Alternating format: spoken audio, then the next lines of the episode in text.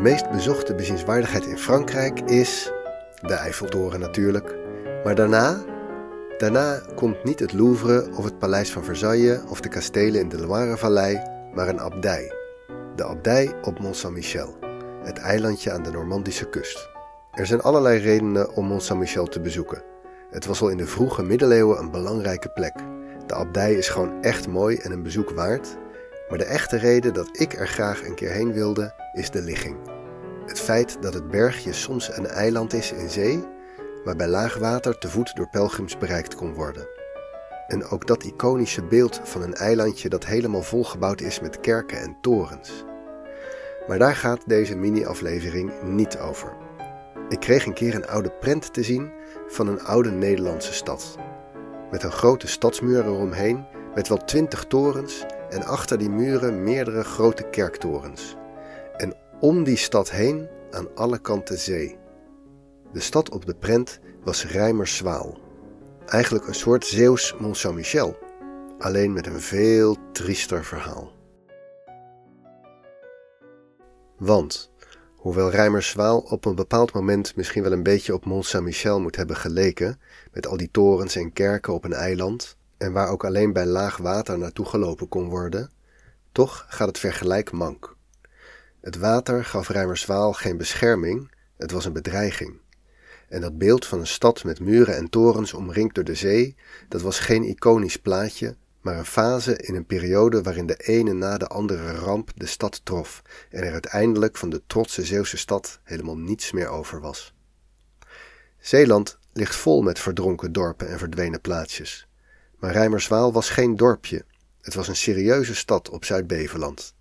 In de late middeleeuwen, zo rond 1300, was het economisch opgebloeid. Rijmerswaal had een zeehaven en er werd goed verdiend met de handel, vooral in zout en meekrap. Meekrap is een plant waarvan je de wortel kan gebruiken om een rode kleurstof mee te maken voor bijvoorbeeld wol en laken. De Vlaamse steden waren in deze tijd het economisch middelpunt van Noord-Europa en er werd goudgeld verdiend met de kleurstoffen.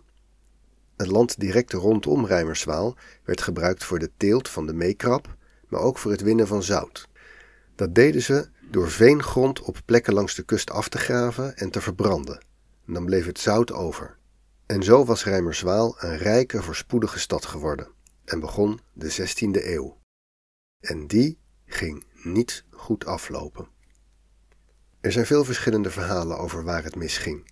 Het schijnt dat het dijkonderhoud niet goed was door corruptie en tegengestelde belangen. Het afgraven en verbranden van je kustlijn om zout te winnen kan je misschien ook beter niet doen. Hoe dan ook, in 1530 ging het mis. Er was een grote stormvloed, de Sint-Felixvloed, ook wel bekend als Kwade Zaterdag. In de stad viel het eigenlijk wel mee. Er liep water door de straten, maar de huizen en stadsmuren overleefden de vloed. Dat kon je van het omliggende land niet zeggen. Overal in de omgeving braken dijken en dijkjes door. Hele dorpen, die minder hoog lagen dan Rijmerswaal, spoelden weg. Er moeten heel veel doden zijn gevallen, zeker duizenden. Toen de vloed zich terugtrok, bleef een stad over zonder achterland.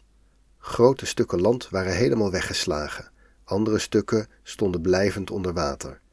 De stad zat nog maar met een dunne strook land vast aan het vasteland van Zuid-Beveland. Er werd meteen een plan gestart om het omliggende land weer te bedijken.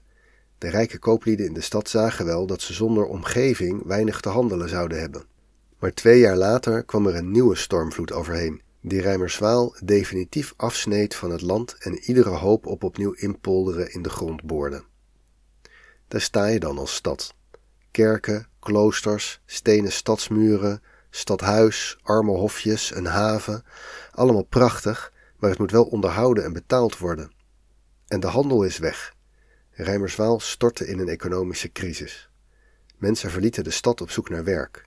Dan, in de jaren 50 van de 16e eeuw, volgen kleine en grote stormvloeden elkaar snel op.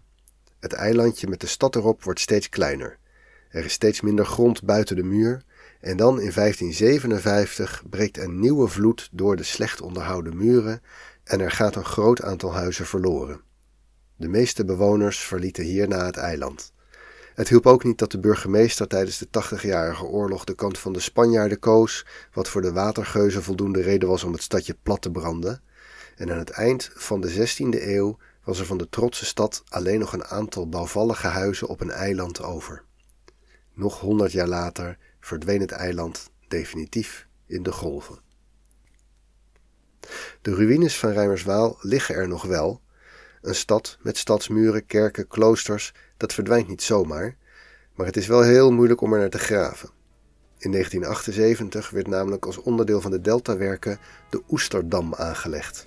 Toen is er niet echt over nagedacht, maar inmiddels weten we dat de Oesterdam precies over het oude stadje heen is gelegd. Rijmerswaal heeft ook altijd pech.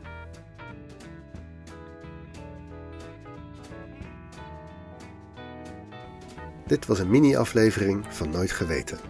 Ik leerde over de geschiedenis van Rijmerswaal uit, echt waar, de Donald Duck.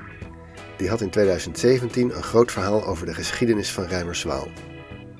Nooit Geweten wordt gemaakt door mijzelf, Teun Duinstee en is een hommage aan Wikipedia. Alle informatie die je hebt gehoord komt daar vandaan en soms van bronnen waarnaar Wikipedia linkt. Meer details over dit onderwerp via de links in de show notes. Deze mini-aflevering is een afwachting van een heel nieuw seizoen Nooit Geweten. Seizoen 5. Komt eraan.